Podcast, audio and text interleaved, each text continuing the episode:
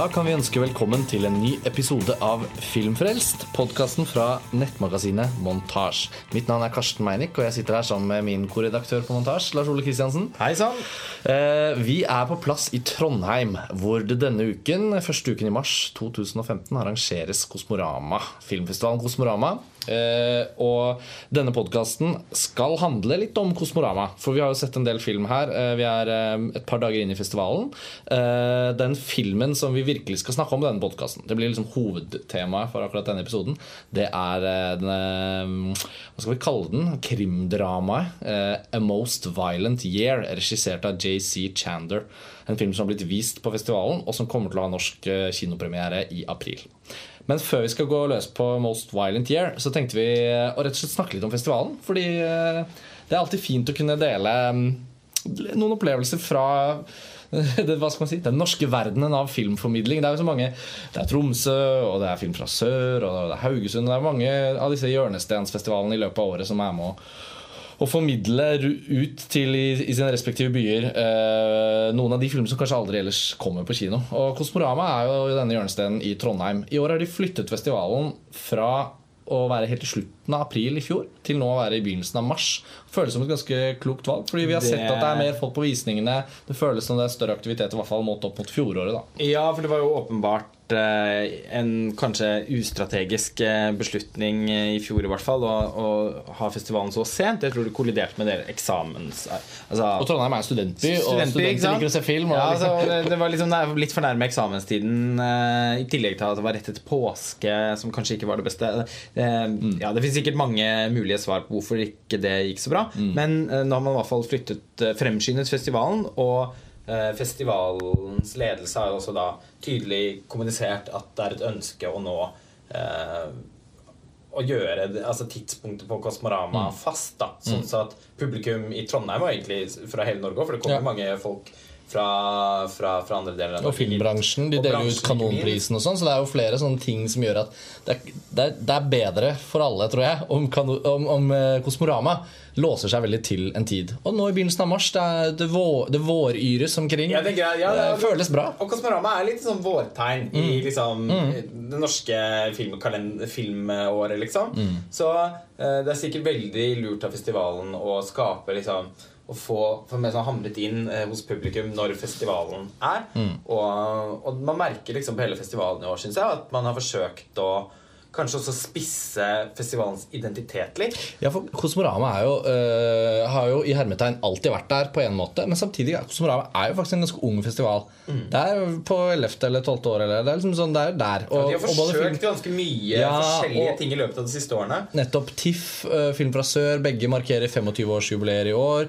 Filmfestivalen i Haugesund har jo virkelig holdt på lenge. Og det er jo sånn sånn Kosmorama har også akkurat rukket å gå gjennom et par sånne små skifter og generasjoner på jakt etter identitet. Og det jeg tror den der forankringen i forhold til den norske filmbransjen, som Kanonprisen er med og representerer, sånne pitchekonkurransen de skal ha i morgen, er med og representerer, og som i år også representerer seg at de har valgt ut ganske mye norsk film. At norsk film også får, liksom, får litt plass på festivalprogrammet. Det, det tror jeg er klokt. Og det, det kan kanskje deinternasjonalisere feelingen av festivalen litt. Samtidig så tenker jeg at hvorfor må alle festivalene i Norge ha så veldig bredt internasjonalt eh, perspektiv? Det trenger ikke eh, være sånn for at det skal føles som en internasjonal festival. De viser masse film fra mange hjørner av verden uansett, men det norske fokuset det tror jeg, det tror jeg vil fungere bra. Ja, det tror jeg òg. Og det er en fin måte å få samlet noen av de norske Altså løfte fram noen av de norske filmene på. Eh, som mange av lytterne våre kanskje har fått med seg, så er det den norske filmvåren i år ganske eh, Altså, ikke mager, nødvendigvis, fordi det kan jo hende mange av filmene vil eh, spenne bredt og, og, og, og til sammen være en interessant begynt med filmer. Men det er jo færre filmer enn eh, det som har vært vanlig de siste årene. Så sånn sett er det også veldig fint synes jeg, at mange av de samles her og blir presentert her for første gang. Regissørene kommer, snakker om filmene, eh, får møte publikum. Og vi, altså, eh, vi hadde tenkt å, tenkt å gå og se den eh, dokumentaren 'Drone' i kveld. Og den går jo til og med på kino allerede. ja, så det er også den måtte snu i døren fordi det var utsolgt. Ja, og det er veldig flott å, å se. Og det er både kult at Kosmorama tenker at det er viktig å vise denne filmen, selv om den har hatt uh, offisiell kinopremiere for en uke siden. Altså At det likevel er riktig for Kosmorama å bruke sin posisjon som en filmformidler i Trondheim til å si at ja, men drone skal vi også fokusere på. Regissøren kommer, setter opp et sånt Det er jo ofte sånn mye mas på festivaler om at å, det er så viktig å være ekstremt tidlig ute, og hvis den har vært vist ett sted før, så nei, da kan ikke vise den og sånn. Men det er også helt misforstått strategi, syns jeg ofte, fordi det er da mennesker på alle steder som ikke har fått med seg ting, som ikke får sett ting. Det er jo ikke sånn at én visning i Tromsø for uh, 170 mennesker betyr at ingen er, liksom, filmen er spilt ut, og så bla, bla, bla. Alt sånt. Så, Nei, det, så det det kan man se på årets program. Det er Ja. sånn eh, Selv om det for oss som har vært på veldig mange av de festivalene hvor Kosmorama plukker filmene sine, Mm. i tillegg til å selvfølgelig ha vært i Tromsø bare for eh, en måned siden, Mm. eh, har jo Kan jo få litt en følelse av at det er en del av disse filmene vi har sett fra før av. Mm. Men det blir jo Altså sånn, Det er jo ikke relevant for Mm. de aller fleste publikummerne som kommer. Og, jeg, hvis, da, og med det sagt da, så syns jeg at programmet bærer preg av at det er litt sånn, selvs, altså en sånn selvsikker programmering. Mm. Sånn, ja, vi skal vise den.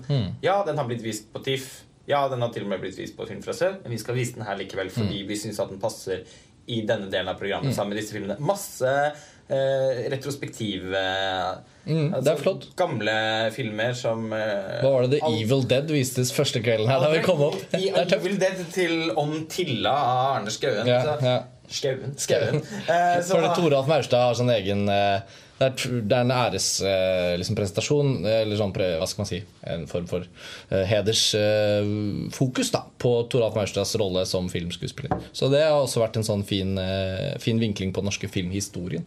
Og NTNU og filmvitenskapsmiljøet her i Trondheim er jo et anker for eh, nettopp også å se tilbake på filmhistorien. Så på alle mulige måter så føler jeg at Kosmorama kan sies å være ja, har tatt noen sånne fine steg i retning av en identitet som jeg tror de egentlig har, har, har, har der.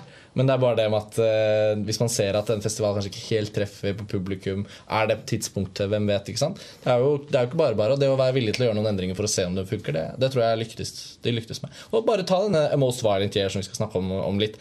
Eh, det er jo en film vi har lest om og hørt om, men som også da ikke har blitt vist. Den ble ikke vist på andre festivaler. Den har ikke hatt kinopremiere ennå. Det er liksom sånn Da vi så den nå. Ja. 10. april, ja, og da vi så den nå, så var det jo også første muligheten. Så det er jo ikke det at selv om noen filmer har vært vist på andre festivaler før, så har jo også Kosmorama flere, flere det som føles som premierer. da Filmer vi ikke har hatt anledning til å se. Og på det norske. Altså Åpningsfilmen har uh, blitt vist for første gang i Norge her, og avslutningsfilmen Og er jo da også for lokal forankring. ja, ja, ja. Kvinner første... I for store herreskjorter, som er filmet i sin helhet i Trondheim. Eller nesten hele filmen foregår i Trondheim. Og da også avslutningsfilmen, som er den første spillefilmen til Bobby Pierce. Uh, Dirk Ohm, illusjonisten som forsvant, er det tittelen. Så, så, og, og drone og, også, og venner tilbake vises, og, og det er flere andre eksempler. Så sum, summen er at etter noen dager nå så føler vi vel at eh, det har vært en veldig sånn, klar sånn selvtillitsheving, kanskje, på Ja, hele arrangementet. sånn. Og eh, Du snakker om filmvitenskapsmiljøet i Trondheim og NTNU, så er de veldig aktivt involvert i festivalen Ja. gjennom å, eh, å ha ja, altså Innledninger, Q&As med publikum, ettervisninger. Og vi, hadde, vi besøkte en visning i går i et uh, program som heter Det er vel snakk om film, på en måte. Det er ikke så veldig Det er det Jeg det tror står bare det er, ja, det er sånn introduksjonsserie Ja. til filmer valgt ut fra de forskjellige seksjonene. Og du kan jo fortelle, for du har jo også du ja, jeg skal, jeg skal i. Ilden eh, på torsdag. I morgen. Nei, men altså, det, det er et veldig fint valg fra Kosmorama. De har rett og slett en serie med introduksjoner. Klokken fem hver dag så er det én visning hvor det introduseres av en person, eh, en filmfaglig person for så vidt, en professor eller eh, sånn som oss fra montasje eller hva det skulle være, som liksom har en vinkling å komme med. Men introduksjonen skal være til en film man selv ikke har sett. Så eh, den visningen vi var på i går, det var av eh, sportsdokumentaren, får vi vel kalle den. Gabe Polskis Red Army. Red Army. Hockeydokumentar. Utrolig bra. Eh, Men som da ble introdusert av professor Bjørn Sørensen fra NTNU. En, eh, en eh, tungvekter når det kommer til dokumentarfilm i filmvitenskapsmiljøet. Og han hadde gledet seg til den, men hadde valgt seg ut denne. Og så holdt han en introduksjon, visste ikke noe om filmen. Hadde forberedt seg, da, hadde sett en dokumentar om det nordkoreanske fotballaget som deltok i fotball-VM i England i 1966 og sånn. Det var ikke det. Og så, etter filmen, så kom det da en del to av introduksjonen, eller hva skal man si, en epilog, hvor, hvor Bjørn Sørensen da holdt på en måte en faglig innledning som kom etter filmen, og satte i gang en samtale. Ja, og det, og det, det var gjort Med oss i publikum. veldig-. Ja, det var gjort på en veldig bra måte. Han sa med en gang Jeg skal si tre ting om denne filmen. Mhm. Så sa han tre ting om denne filmen. Alle tingene veldig interessante Mm. innspill. Og eh, sånn ganske sånn forfriskende lesninger av filmen, men som også da var helt umiddelbare. Ja. Det var de første tankene han hadde om den, Ja. men som var veldig eh, Som jeg tror var veldig interessante for alle som satt i salen. Og så, når eh, den eh, siste delen av eh, av eh, seansen skulle, skulle finne sted, som da var en mer sånn samtalebasert eh, altså en samtale. Oss i publikum, rett og slett, ble sittende i, i setene våre og snakke sammen. Og da, og da var det, så var det en, eh, en voksen mann som hadde, var født og oppvokst i USA, som nå eh, bodde i Norge, og som selv husket veldig godt hvordan det var å følge med på ishockey i de årene som eh, størsteparten av filmen utspiller seg, altså på 80-tallet. Eh, og, og hvordan liksom den kalde, spøkelset i den kalde krigen formet hvordan folk så på idretten. Altså, og Samtidig som han da opplevde virkelig at filmen i, kunne gi han noen veldig liksom, nye, spennende perspektiver. Og de hørte jo aldri om disse sovjetiske spillerne Nei. og deres historier og sånn, så han følte jo at han fikk fylt ut et par sånne hull. Ja, altså Det som i utgangspunktet var noe som var nostalgisk for han, fikk en helt sånn ny betydning når han så filmen. Og så var det en Rakk opp hånden. som rakk opp hånden som satt der i hockeydrakt.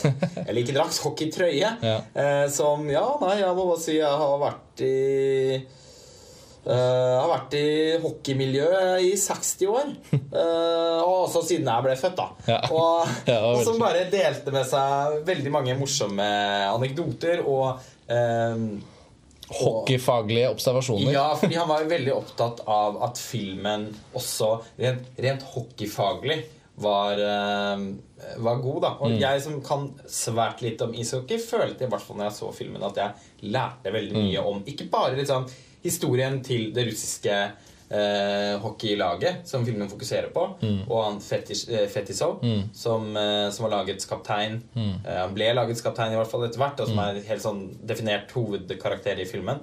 Eh, men jeg følte også at jeg fikk en, sånn, en rikere innsikt i hvordan liksom spillet er ja, nesten som en sånn ballett. Da. Mm. Det Ja, det var fantastiske fantastiske sekvenser hvor du ser liksom hvordan, hvordan de utøver en sånn helt egentlig utrolig grasiøs kunst ute på, på Og det, er, og det er ikke bare bare for en dokumentarfilm som, eh, som tar for seg Eller som har sport som en sånn ramme for historien. Det er ikke bare bare å liksom kunne I tillegg til å fortelle en dramatisk historie, og det er det nok av i Red Army, så har den også funnet en måte å hele tiden ta avstikkere over i sportens liksom hva er det som gjør hockey til det det er? Hvorfor var disse spillerne så gode? Hva var det som gjorde at eh, de var gode fordi de var samholdet? Og samholdet i et lag satt opp mot Sovjetunionens sosialistiske konsepter om at vi er et altså sånn, Det var noen sånne bånd som liksom bare fikk, fikk lov å oppstå uten at de føltes på, pådyttet oss. Ja, den klarte, og den klarte å liksom fortelle en, en lang Altså en historie som rommer langt flere hendelser Ja. enn enn denne kappestriden mellom, eh, mellom eh, de amerikanske og kanadiske eh, hockeylagene Ja. og, det, og det russiske. Den, den lykkes på en måte uten sammenligning for øvrig, men lykkes litt med det samme som, eh, som Selma. Um, ja. til Ava DuVernay, som, som ved å fokusere på én hendelse, men gjøre det på en veldig sånn På en virkelig reflektert Ha en veldig sånn reflektert tilnærming, Ja.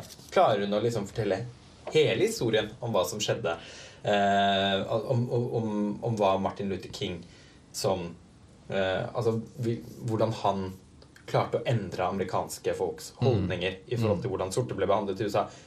For Red Army blir jo etter hvert som det har satt seg, og at man skjønner at det er en historie om disse hockeyspillerne på det fantastiske eh, hockeylaget til Sovjetunionen, så stiger jo da fortellingen fremover i tid, og vi skjønner at nå nærmer det seg vel også jernteppets fall, kollapsen av Sovjetunionen, hvordan vil etterforme den historien? Den, den, den, den. Så det er- en utrolig spennende fortalt historie, også når den da virkelig tar de store linjene og liksom USA og Sovjetunionen Filmen du avslutter og- også med en ja. må nesten kalle det I hvert fall filmen legger, opp, legger opp til at det skal at det skal oppleves som en twist Mm. til slutten, som etterlater en ganske emmen-smak eh, i munnen. Ja, det er veldig fint. Den er rett og slett en utrolig spennende film fra begynnelsen til slutt. Og det eneste Bjørn Sørensen da, i sin flotte uh, ettersnakk, får vi vel kalle det, uh, poengterte, og jeg var veldig enig, var at det eneste sånn problemet til filmen er at den er nesten for bra lagd. Liksom. Altså, at den er så tight. perfekt. Ja, den er for perfekt sammensatt. Den er, liksom sånn, den er fortalt med sånn driv. Den har, ah, sånn det, det beste som man si at litt er liksom Michael Moore-tradisjon. Altså Den der personlige drevet han Gabe Polsky er I hvert fall lyden av han da altså Når han stiller spørsmål og sånn.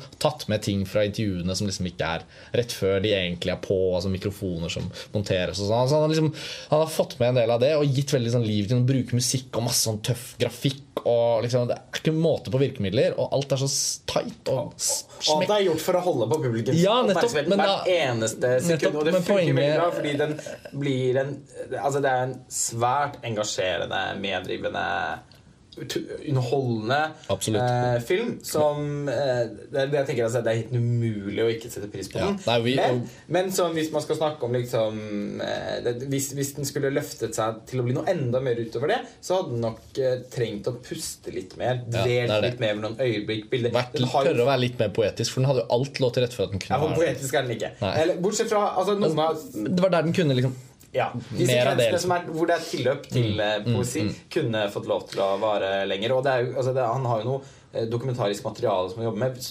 Ho, ho, Størstedelen av filmen står jo av arkivopptak fra TV. TV-opptak. Men eh, det, altså, det fins jo eh, Det er et potensial for en mer sånn rikere filmatisk utforskning som ligger i dette materialet, som han kunne gått mer i. Sånn som for eksempel eh, var tilfellet i den fantastisk flotte dokumentaren som vi så eh, på Berlinalen bare for et par uker siden, Flotell Europa, som utelukkende består av gamle VHS-opptak, og som klarte å finne en helt sånn spesiell eh, Et helt spesielt uttrykk inni disse virvlende, slitte filmkornene. Og selv om Flotell Europa var en, eh, var en kortere film i varighet enn det Red Army er, så fant den en sånn ro i måten jeg liksom valgte å fortelle, fortelle fortellingen sin på. Da. Tok ikke med for mye, og lot heller noen scener eh, bære det. Men i hvert fall, altså dette, denne presentasjonen her på Kosmorama, som da inkluderte Red Army, den var jo litt sånn smittsom på oss. Det var jo Ja, det det var skikkelig- jo lyst ja, ja, ja, og det var sånn eh, Faen, det var fint, eh, fint konsept, liksom. Og så er det fine filmer som er valgt ut. Og så i dag så, så var det en annen eh, film som skulle vises hvor prof, eh, Han er professor, han òg? Usikker på om han er førsteamanuensis Uansett, professor, men Stig Kulseth eh, en annen merittert eh, filmviter fra NTNU, skulle også holde en sånn introduksjon. Så vi med litt dårlig tid kom løpende inn på Nova kino og fant setene våre og var veldig fornøyde. Og så uh, gikk lyset ned uten introduksjon, og så merket vi at vi hadde satt oss i feil sal. Og jeg tok det på min kappe, for jeg må ha blandet tallene. Men vi havnet da rett og slett på en film vi på ikke noe som helst vis visste noen som helst ting om. Og det ble ikke den introduksjonsvisningen av den andre filmen, men vi fikk en helt annen film. Og det kan også skje på festivaler. Og, selv om ikke det er en film det er veldig mye å si om, så er det jo bare gøy å nevne at noen ganger så blir det det òg. Vi endte opp med å se en film som heter Red Rose. Ja. En iransk film eh, som da ikke er produsert i Iran. Eh, fordi det er det ikke rom for med det sensursystemet som, som er der. Så det er jo da sku, skutt i Hellas. Så, så, Jeg fikk inntrykk av at den var skutt i Hellas med franske, en del franske penger og sånn. Og, og, regissøren Seppi De Farsi hun har laget eh, filmer utenfor Irans virkelse som, de siste årene. Noen dokumentarer og sånn. Og filmen er en fiksjonsfilm som foregår under den siste På en måte det siste folkelige eh, opprøret, på en måte kan man si. Er oppvåkningen som kom jeg tror det var i 2009, som ble kalt den grønne revolusjonen, Et forsøk på å kaste styret til Ahmedinejad etter at han eh, hadde på en måte vunnet et valg, men eh, han, eh, motkandidaten og hans bevegelse sa at dette var et rigget valg, det ble ikke et demokratisk resultat, og vi protesterer og går ut i gatene. Som ledet til forferdelig mye vold mot og veldig mange som ble drept. Og, og det ble heller ikke til en revolusjon. Det var jo en hendelse som kunne ha vekket en, en opposisjon i Iran. eh, og så ble det liksom slått ned og slått tilbake. Og denne filmen er en liten film, og den forteller ikke hele historien om dette i det hele tatt, men den tar utgangspunkt i en hovedperson, en, en mann, en litt sånn disillusjonert mann eh, tidlig i 50-årene, som bor i en leilighet, åpenbart litt rik. Og så er det protest altså Filmen starter med sånn mobilfoto ekte mobilfoto tror jeg, av liksom politiet som kommer og hamrer løs på demonstranter som filmer med mobilene sine. Så kommer de løpende inn i en bygård bare for å redde seg unna. Og så åpner han døren for dem, denne hovedpersonen, og da liksom begynner filmen der. da Og så utvikler det seg til å bli en historie hvor en av de unge jentene som er en, som er en demonstrant, eh, returnerer til leiligheten og innleder et forhold med han. Som også på en måte blir hans vindu ut mot det som foregår på gatene. For han har helt åpenbart liksom bare isolert seg i den leiligheten og har ikke tenkt å gå ut. Også. Der spinner historien fra det. Men eh, dessverre er det ikke en spesielt god film. Nei, den er eh, virkelig ikke en god film, syns jeg. Og, men det gjør ikke at den ikke var verdt å se. Fordi det å kunne få forskjellige blikk på hvordan Altså denne kneblingen av, av, av ytringsfriheten og osv. som mm som, som, den iranske befolkningen opplever, og få flere blikk på det gjennom film. Og pga. Irans sterke filmkultur så er jo faktisk Iran et av de landene hvis man er spesielt interessert i film som vi er, så ender man jo opp med å få ganske mange perspektiver på det. Og du sa det jo rett etter visningen at det, akkurat det må liksom få enda igjen. Eh, det var egentlig litt fint, sa du. Ja, ja for, det, for det, det, var liksom det mest positive med opplevelsen. At mm. etter hvert som man har, har, sett ganske mange iranske filmer, da, så, uh, så opplever man jo etter hvert å få en viss innsikt. Og det kan man jo si at det bidrar også denne filmen. Problemet med filmen er at den rett og slett er ganske sånn inkompetent lagd. Mm. Eh, filmatisk sett bare helt uspennende. Ja, og så er det dårlig skuespill. Fryktelig dårlig skuespill. Og det er altså, umulig å komme seg unna. Den kvinnelige hovedrolleinnehaveren var helt uh, pinlig dårlig. Ja. Og, og, da også sånn dårlig instruert og mm. ofte forferdelig dårlig skrevet dialog. Mm. Veldig overtydelig. Mm. Masse altså, ting, poenger som skal hamres inn på en måte som altså, Det går så lang tid over til at regler ble flaut. Jeg måtte ja, dro på smilebåndet flere ganger. Ja, ufrivillig, ufrivillig humoristiske reaksjoner på ting. Og det, er, og det, er, synd, fordi selvfølgelig det står ikke på interessen for den tematikken som ligger bak der. Nei, og, og det, iranske samfunnet også. For, uh... Definitivt ikke, men det er bare et klassisk tilfelle. Vi ville sagt hvis det var en norsk film. Og det var et sånt tilfelle hvor jeg rett og slett jeg bare liksom ikke fått det til. Uh, og her er det gjort noen castingvalg, bl.a. med hun jenta, som på en måte er sånn, sånn du føler at det er gjort overfladiske valg. Da. Ja, hun har sånn isblå øyne og mørkt hår, og du kan se veldig sånn Oi, utrolig sånn skjønnhet, liksom.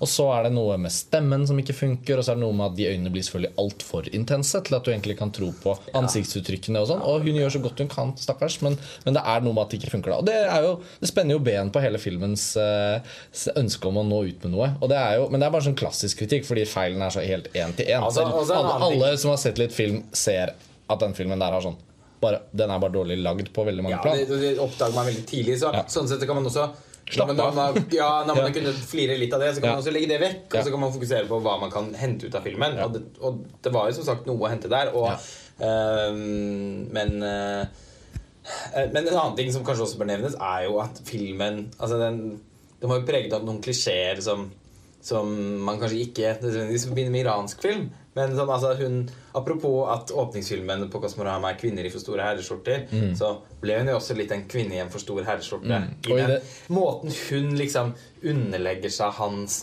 påtatte sånn visdom på. Ja.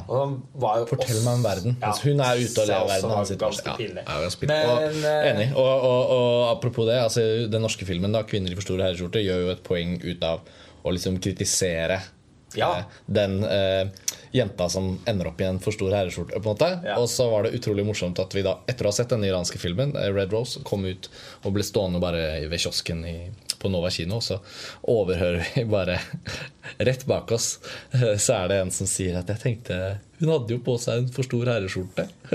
Ja. Og det var så bra Det var liksom gøy å høre, overhøre en annen publikummer som gjør den observasjonen. Hun hadde også sett 'Kvinner i for store æreskjorter' da i går. Ja. Og nå hadde hun sett den iranske filmen, og hun hadde gjort den observasjonen. Og det, det synes jeg var veldig fint Det er jo sånn herlig sånn festival. Du føler liksom virkelig Mennesker flyter inn og ut av de samme filmene, og samtaler kan oppstå. Og den introduksjonsmodellen da som vi nå har presentert litt, som de holder på med her på Kosmorama, er en veldig fin sånn sammenbindende måte å gjøre det på. Og, og i morgen er det da jeg som skal i ilden. Eh, White Bird in a Blizzard til Greg.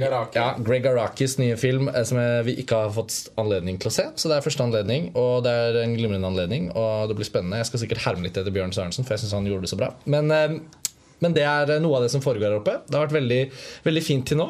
Vi har sett en god del film. Eh, men det føles jo som at A Most Violent Year er den, den første virkelige sånn. Og vi hadde jo litt forventninger til det nå, men den var jo Det var mye mer å snakke om enn jeg tror vi faktisk hadde eh, turt å hoppe på. Så nå, nå syns jeg vi bare skal bevege oss over på den. Uh, for- Wow, er Ja, ordet ja. som, som dekker Ja, den altså, eh, kort fortalt vi har, Som er dekkende for den filmen. vi har en regissør her som heter JC Chander, og mange har sikkert sett en eller to av filmene hans, men han har altså foreløpig ikke hatt noen filmer i distribusjon på norske kinoer. Men han debuterte med en eh, finanskrisefilm, vi kan kalle det det, 'Margin Call', som kom i 2011, og eh, med Kevin Spacey og Zachary Quinto og Demi Moore. Og det er en sånn bra cast for en sånn indie-regissør. Til og med sånn kammerdrama. Ja, og skrevet manus eller regissør Altså, det går rett på første film som manus og regissør med det. Altså, sånn, Oi, det er noen som har tillit til det. Oscar-nominert for beste manus. den ble det, og, og det er en god film. Den, Ja, er ikke, den overstiger ikke eh, noen ting, og den skaper ingen revolusjon. Men det er sånn god film. Hm, spennende.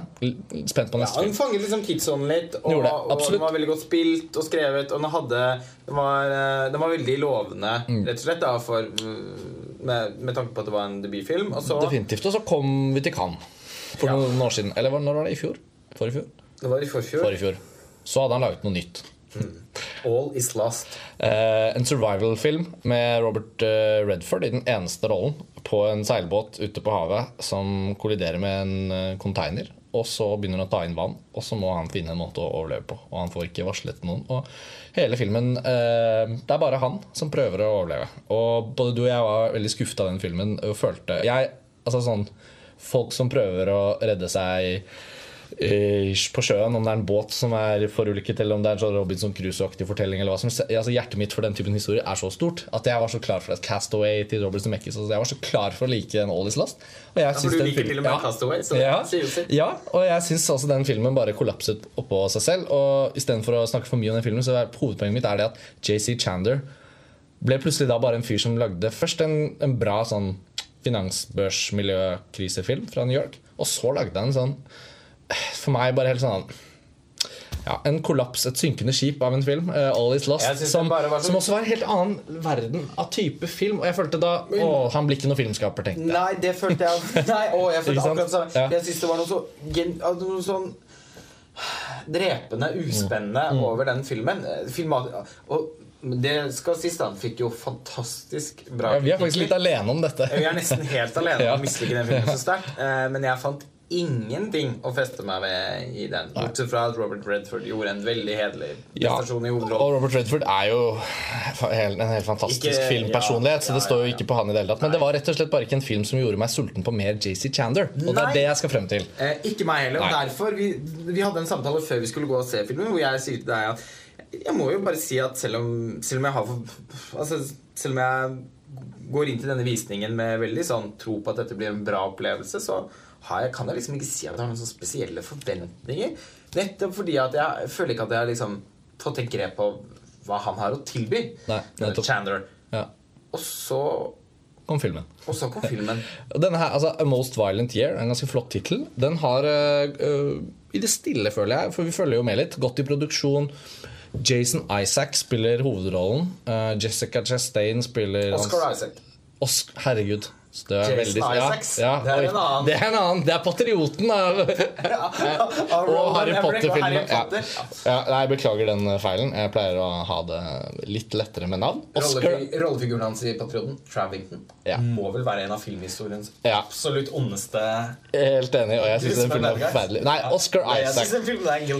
Oscar Isaac, Selveste Louin Davis, eh, Oscar Isaac, er det som spiller hovedrollen i A Most Volunteer, Og hans kone da spilles av Jessica Chastain. Og, og etter at de to er nevnt, så kan man også nevne Albert Brooks, som spiller en eh, sentral birolle. Og, og det er på alle mulige måter en film som Ja, man skulle tenke at man kunne ha litt forventninger til. Den beste hooken egentlig er jo da at det er en kri, et krimdrama fra New York i 1981, og den oser av sånn amerikansk 70-tallsfilm. Ja. Uh, Sidney Lumet og liksom hele den gjengen der. Alan Pakula, Sidney Pollack. Yes. Så, det, så det liksom forvent, Hvis man først forventer i riktig retning, så er det jo en film man egentlig kan ha enormt høye forventninger til. Ja, fordi at, eh, og poenget, det, må, det er jo mange filmer som etterstreber å få den 70-tallsfeelingen som alle som eh, elsker film, setter så stor pris på. Et av. Hollywoods beste tiår. Altså kanskje det beste tiåret i Ja, Hollywood. sannsynligvis. Eh, det er vel litt opplest og vedtatt. Eh, og, men det er veldig mange som prøver det, men som, men som ikke helt får det til, fordi det blir litt sånn for påtatt, og fordi at historien som fortelles, ikke nødvendigvis kler det type uttrykket. fordi nå er det jo ikke bare det som er måten å lage film på. Det, det er jo et veldig bevisst kunstnerisk valg å få en film til å se sånn ut. da. Og derfor føles det så fantastisk gøy. Eh, eller så er det så fantastisk gøy at han rett og slett bare lykkes så svimlende godt med for- det i denne filmen. Ja, for dette er en helt fantastisk god film. Ja, det Eh, er eh, det er For å si sånn, tvil om. JC Chandler har, eh, har filmet seg tilbake i vår, vår bevissthet. Dette er bare Altså, Den skal heldigvis på kino. Får vi bare håpe at ikke det kommer noen og sier at nei, den skal ikke på kino likevel. Ja, for det kan Vi sjekker- skje. Ja, for, Og dette er en sånn sånn typisk mellom- Aldri si jeg, jeg stoler ikke på det før den har Typisk premiere. såkalt Ja, mellomfilm. men det er veldig bra den vises på Kosmorama, og da, og da får vi snakket om den. Og det er alle mulige anledninger nå til å gi denne filmen litt sånn ekstra buzz frem mot den norske premieren. Så får vi bare krysse fingrene og håpe at det ikke blir noen endringer der. 10. april, det står på filmen. Vi sjekket det før vi gikk på opptak. Og, ja, men altså, det er jo så mange ting å snakke om, og så mange grunner til at dette skal være en film som man burde oppsøke. For det første og for det beste. Den får til alt du forventer når du sier krimdrama fra 70-tallet, Sidney Lumet-aktig, hå-hå, jeg håper, jeg håper. Ja! Svaret er ja, den er helt på nivå. Dette kunne vært en film fra den perioden. Det er jo det som er Den er så god at den Så er sånn er den den, faktisk. den, og, det kunne gått rett inn i Sidney Lumet-katalogen og man tenkte og dette er en av hans bedre Ja, filmer. Og den, er, eh, den, er, den har det der Både er historien spennende. Altså Det er en spennende, uh, et spennende blikk inn på en ambisiøs forretningsmann. Han driver med fyringsolje. Det er ikke så jævla sexy liksom, som en sånn business å drive. Men filmen og historien er veldig sånn Det er dette vi skal fortelle om, og vi stoler på at det er bra nok fordi vi har noen underliggende temaer som er evige og sterke. Som handler om ambisjoner for forretningsdrift. Å ligge på kant med loven for så vidt, men ikke helt å ha, å ha en form for sånn prinsippfast etikk, på en måte, som han Oscar Isaacs, altså han hovedpersonen, har en utrolig flott Han har liksom noen prinsipper, og de er så fint presentert. For han, det er aldri noen scene hvor det skal liksom proklameres. Men det er ikke karikert han, Det bare kommer gjennom situasjoner. Historien får liksom bare sakte lov å Ja, piple og frem. Måten vi får lov til å se han på i situasjoner, gjør at det blir troverdig for oss at han er en person med en veldig sånn sterk bevissthet rundt Ja. Hvordan han behandler andre mennesker, eh, som, som har eh, Som er liksom redeligheten selv. Ja. Og, og så handler jo selvfølgelig historien om at hans redelighet blir satt på prøve av, av uh, situasjoner, som han sier på et sted i filmen, 'circumstances out of my control'. Altså, Det skjer ting. Noen ønsker å sabotere hans firma fordi han lykkes. Det er andre i fyringsoljebransjen som har, eh, som har eh, hva skal man si, urent mel i posen. Det er, eh, det er en politietterforskning på gang for å se på driften av firmaet hans. Og det er eh, økte ambisjoner fra hans side om at firmaet skal vokse. Og det er kone, og det er kolleger, og det er sjåfører som angripes. Og hvordan, hva slags arbeidsleder er han? Altså, det er så mange ting som man kanskje tenker ja, kan dette bli bra film, da? Men jo, for det er en så god historie, og det er så Ja, fin den er ting. så innmari godt skrevet. Ja. Altså, Ja, fy eh, faen. Ja, det er akkurat som Man, man får, får følelsen av at de har jobbet i en uke med hver eneste replikk. Mm. For ikke bare er det veldig altså, sånn, Det er sånn eh, Karakterene uttrykker seg rett og slett på en veldig sånn presis, men også veldig vakker måte. Uten igjen at det føles utroverdig, eller Mm. som en sånn påtatt stiliserende grep. Mm. det er det, karaktertegningene er så gode, så troverdige, alle sammen. Så man, man kjøper liksom måten de snakker på. Det er et veldig altså sånn han, Chandler, da, som jo da også har, i tillegg til å ha regissert filmen, også har skrevet manuset, han mestrer å uttrykke veldig mye av karakterenes væremåte gjennom språket. Måten de velger å formulere seg på. Samtidig som man også passer på å fortelle historien hele tiden. Så er noe som kan høres ut som en litt sånn flakkende historie som springer ut i litt forskjellige retninger underveis, føles jo utrolig liksom, disiplinert, øh, konsist fortalt hele veien. Kjempestram film. Også en film som tar seg veldig god tid, som puster øh, Apropos dette med å puste i scener vi snakket om øh, i forbindelse med Red Army, som ikke puster så mye. Nei. Den er mer andpusten. Andpusten. Eh, Konstant på isen. Som ja. Ja. eh, denne tar seg virkelig god tid, samtidig som den aldri glir over i å bli liksom påtagelig eh, ettertenksom. Nei. Den er Han er ikke sånn dvelende på den negative måten i det Ikke i det hele tatt. Og det er en veldig nerve i alle scenene, som også forsterkes av lydsporet. Fantastisk bra musikk av en for meg helt ukjent komponist. Som deler etternavn med Roger Ebert. Ja. Han het noe Ebert. synth-score. Mm. Også overraskende. Gledelig for en synth-entusiast som meg. Eh, og et uforutsigbart soundtrack også. Mm. Altså Jeg hadde gleden av å liksom bare følge med på, uten å bli ryktet ut av filmen, hvordan liksom Nei, det var Ja, og det var kombinasjoner av hvordan øh, lydlandskapet også liksom tillot musikken å spille en rolle der hvor det falt seg naturlig. Og så tillot musikken lyden å ta hovedansvaret for andre scener igjen. Romfølelse. Det var utrolig mye sofistikert. Men u, u, u, altså sånn, den påkalte ikke oppmerksomhet til seg selv heller. Så det var jo sånn at balansen mellom virkemidlene var helt på plass. Og den der, eh, sånn, noen ganger sånn dirrende romlyden Mm. i kombinasjon med en sånn Pakula-lignende bildekomposisjoner. Og vi må jo snakke litt om fotografen. altså Du var jo inne på Selma i stad. Det er en ny, spennende amerikansk fotograf som heter Bradford Young. Som hadde foto på Selma, som vi så i Berlin, og som vi har skrevet bitte litt om på montasje, og som vi sikkert skal snakke mer om når premieren nærmer seg. Eh, som, ser, som, som også har veldig mange andre bra sider, men der spiller jo fotografen en veldig riktig og viktig rolle.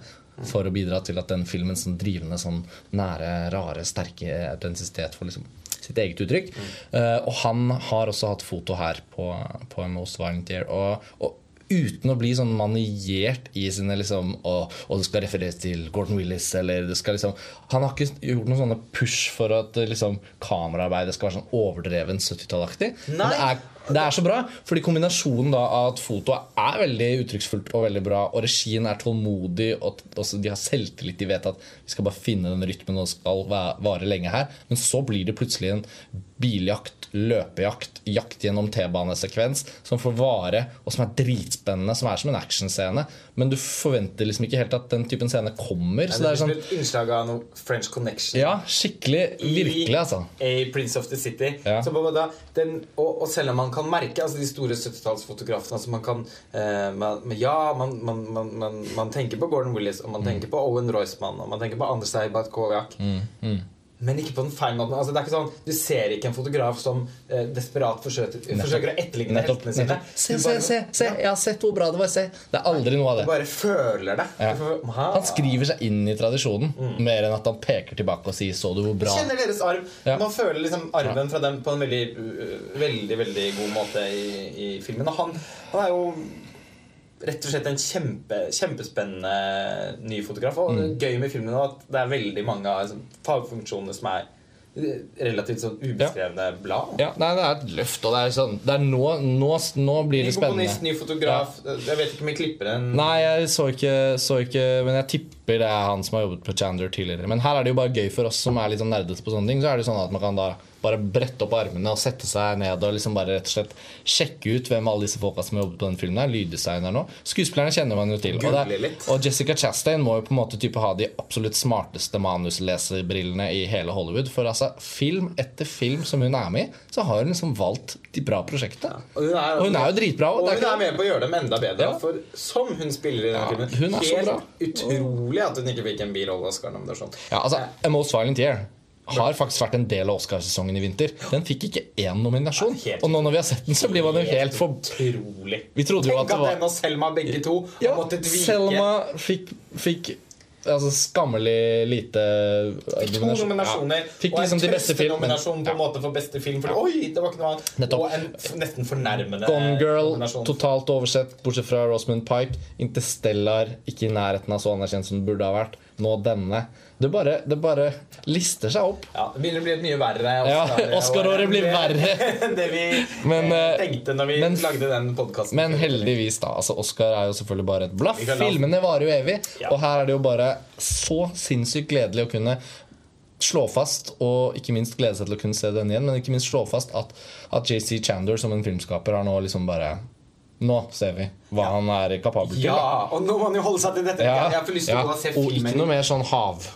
Ikke noe mer på havet, tenker jeg. Nei, ikke noe mer sånn eklektisk eh, Jeg tenker han, han By. Ja, her. New York. Ja, dette staker ut en vei. Ja. Følg den. Ja. Eh, altså spillet David Oyelowo, også fra Selma. Ja, og fra Interstellar, som er Jessica. Chastain. Mm. Eh, veldig, veldig god i viktig birolle. eh, Oscar Isaac. Altså helt fremragende. Ja. Eh, Han, han har virkelig spilt seg opp i kvalitet for meg. For jeg, De første par filmene som han dukket opp i, så var jeg litt sånn Jeg syns han var litt sånn, å, litt sånn tegneserieaktig. Mm. Uh, Riktignok så var Sucker Punch en veldig sånn tegneserieaktig film. på en måte Så det er ikke det. å- Ja. Så jeg ville ikke, vil ikke at du skulle få ta den, for det husker jeg. Uh, du har vel minnet meg på det at han var med i den filmen. Men, uh, men han var og i også Directors Cutten så har han et musikalinnslag. ja, det er morsomt. Det er morsomt. Sucker Punch. Uh, moden for gjensyn i min verden. Men han var jo også bad guyen i Robin Hood til Ridley Scott. Og det syns jeg han gjorde ganske bra. Og da husker jeg tenkte sånn Ja, han. Ja, han er ikke så dum. Og jeg liksom nå hvor han har vært med mye og sånn. Eh, kom- Vet du hvem det slo meg nå? Vet du hvem han minner meg litt om? Nei. Han minner meg litt om Xavier Dolan. Oscar Isaac. Ja. Ja. Han kunne i hvert fall fint spilt Nå tenker jeg på Xavier. Dolan som skuespiller. Ja, jeg skjønner, jeg skjønner, skjønner koblingen. Uh, litt farfetch, men også litt sånn Og, Og intensitet. og intensiteten i blikket. Ja, for han, han kan bare han, han kan eksplodere når som helst, føler man. Ja. Og det er en fin kvalitet. Det føler jeg litt med Dolan også. Liksom, Ja. å, nå kan det skje Ja, jo Nå hever han vel stemmen snart. I have a lot of rage in me. Yeah. Det tror jeg Oscar Isaac også har. Og nå skal han spille i den nye Star Wars-filmen. Herregud, Han er jo en av Han er jo valgt ut til å være en men, de men han har et litt sånn ufyselig drag over seg, Ja. som gjør også hele for Dolan. Han har nesten bare spilt bad, bad guys. Ja, og, og som Nesten. kan være litt sånn Ja. Oh, Han liker jeg ikke. Men Louis Davis var jo også sikkert for han første gangen han virkelig fikk en sånn rolle som han han både ikke var bad guy, og han fikk virkelig tid til å liksom spille altså sånn, Han har mye spilletid i filmen til å virkelig liksom bo i den rollen. Han var det Selv om- beste med den filmen. skulle jeg. si det Selv om den filmen var skuffende, så var han det beste. Ja, så, Så det, han, nå er det jo bare Dette er jo Dette må jo være den, den beste rollen han har fått ja. Å tygge på, liksom. Og gjort. Og nå, nå er det jo bare Så mange av de andre spill, mindre birollene der som, Mm. Noen av de har bare én scene, men som er sånn Altså alle disse fyringsoljeoperatørene. så bra. Det er sånn gudfaren-aktig ja, møte. Gudfaren, ja, Ja. Å, jeg tenkte selvfølgelig på det samme. Det er som når de samles i Gudfaren og skal Alle diskutere bossene. situasjonen. Eh, Det må den jo ha vært liksom, tenkt på. ja, det vil jeg tro. Veldig kult. Men også så gøy og så patetisk at liksom fyringsoljebransjen Det er liksom. Når, Coppola er sånn Mafiaen liksom smeller til. Ja, ja. Og så er det sånn Ja, men man kan gjøre det spennende i fyringsoljebransjen òg. Og filmen er veldig bevisst på også på en måte at det er en sånn liten, altså Ja. kompakt film. Ja. Den forsøker ikke, Ikke så mye scener på Manhattan og sånn, nesten Nei. ikke i det hele tatt. Nei. Det er liksom i Manhattan Queens Jer- Skyline liksom Ja, den glitrer ikke. Den ses mest i sånn Den er brun i dagslys Ja. i, i Ja. en del scener, men, det, Ja. men den er veldig i bakgrunnen. Um, mer skitne T-banestasjoner og, og, og litt sånn industriområder, ikke minst. Uh, og det den får til, da, filmen, er dette klassiske tilfellet som man ofte trekker fram når en film er god. Den tar en i hermetegn liten historie, som det tross alt er. I hvert fall til å være en sånn New York-film. Du tenker alltid at sånne historier skal liksom vokse seg veldig store, og så er de på liksom en eller annen sånn rettsbygning hvor det går opp noen trapper, og det er noen Ja. duer, og det er ikke sant, gule taxier som tuter, og du føler liksom det skal brettes ut. Det er ikke sånn at liksom, Denne filmen gjør New ikke det. Yorks eh, eksistens står på spill. Nei, Eh, ikke noe av det. Nei. Det er som om New York ikke legger merke til at denne historien finner sted. Ja, Og det er en det gjør, det gjør den, og byen legger nok heller ikke merke til Nettopp. Men det at, den da, nei, og det at den da tar denne lille historien og likevel klarer å si så mye om de store liksom Denne typen historier bør på en måte alltid kunne si oss noe om disse store tingene. Som er da ikke sant, ambisjoner. The American dream. Å liksom dri, drive et firma, være ansvarlig for de ansatte. Likevel skaffe vekst fordi du har ambisjoner. Og så er det lover og regler. Og så er det konkurranse. Og så er det liksom til og med det å være mann og kone og jobbe sammen. Og sånn. det, er så, det er mange sånne liksom flotte, store ting som den da får til å si så mye om. At Ja. filmen oppleves som stor, selv om historien bare er det, det lille, på en måte lille risset. da Ja, nettopp. Og, og det er noe med at hans liksom hans, Det eksistensielle dramaet som oppstår for hovedkarakteren, Mm. er eh, det, det bare føler det, det blir veldig engasjerende. Mm. Man, kjø, man føler liksom hans frustrasjon Hans stille frustrasjon på kroppen. Han, eh, han, han, han er jo også en sånn Han minnet meg ganske mye, egentlig. Så, selv om han er aldri så forskjellig, så minnet han meg ganske mye om hovedkarakteren i nettopp Coen-brødrenes a serious man.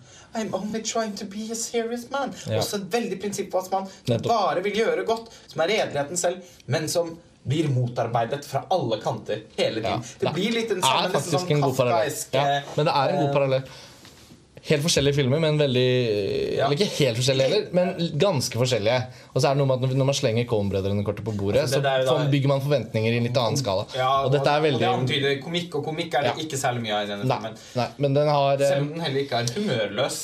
Sånn, det er noen visuelle gags, og noen, og Jessica Chastain faktisk byr på noen ganske genuint morsomme Altså, jeg leste at uh, det faktisk er Giorgio Armani personlig som har designet kostymene i filmen. Hennes kostyme. Ja, de var veldig flotte. altså, det Eh, og det er en av de få tingene jeg faktisk har lest om filmen i forkant, var, kom jeg over en tilfeldighet. Uh, at uh, i en engelskspråklig avis så, så var det en sånn liten sånn Liten sånn, sånn Ikke helt en artikkel, men en sånn liten sånn snutt nedi hjørnet med et bilde av Jessica Chastain i sånn flott kjole. Jeg var sånn, Å, det er det fra den Most Violent Year, kanskje? Ja. Og så var det et intervju hvor Giorgio Armani og Jessica Chastain snakket sammen om hvordan de hadde jobbet. Og det var utrolig sånn trivielt, selvfølgelig, men det var så hyggelig. Jeg tenkte sånn, faen, Her er Giorgio Armani, gamle, liksom superkjente motedesigneren som sikkert hvor gammel er han nå, liksom. Jeg vet ikke. Veldig gammel, eh, regner jeg med.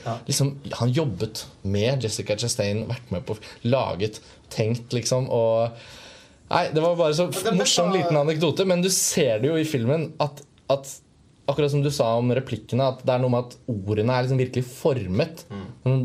Dette er en film som på best tenkelig vis ikke er improvisert dialog. Nei. Tenkt, formet, smidd og så perfekt spilt dialog. Så du tenker ikke at den er så skrevet, men du bare føler at å, dette var de riktige ordene.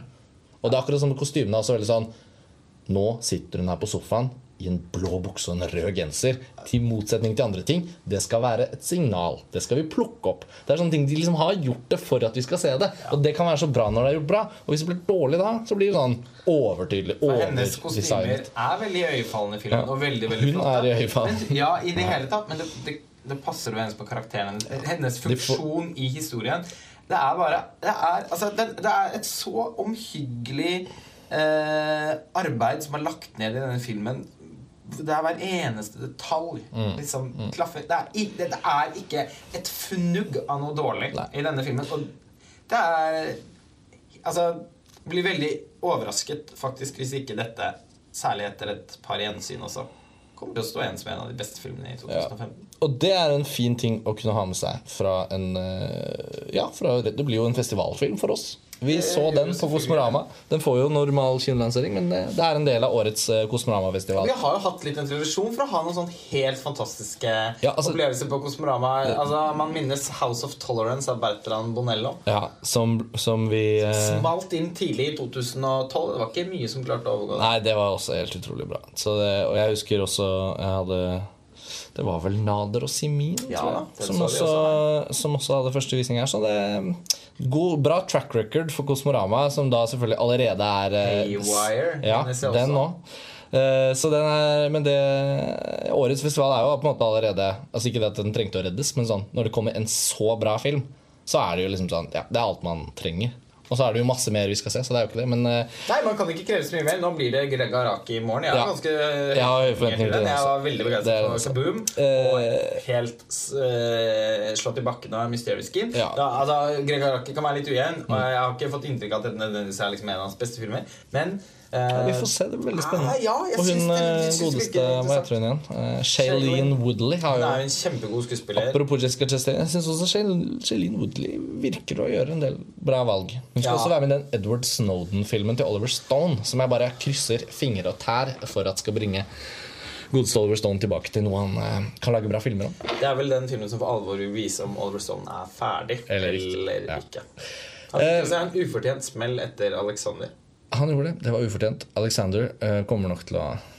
Historien kommer til å være snill med det prosjektet, den Ja, filmen. I alle dens versjoner. Det må, bare gå av litt mange tiår. Denne episoden er vel kommet uh, til veis ende nå som vi er over på Oliver Stone. Uh, Kosmorama er uh, på en måte ja, både litt sånn så vidt i gang, men også snart halvveis. Så det går fort unna, men det kommer flere podkaster herfra. Eh, takk for at dere hører på. Vi Ja. er tilbake raskere enn dere rekker å si filmfrelst eh, 10 000 ganger. Ha det bra. Ha det bra.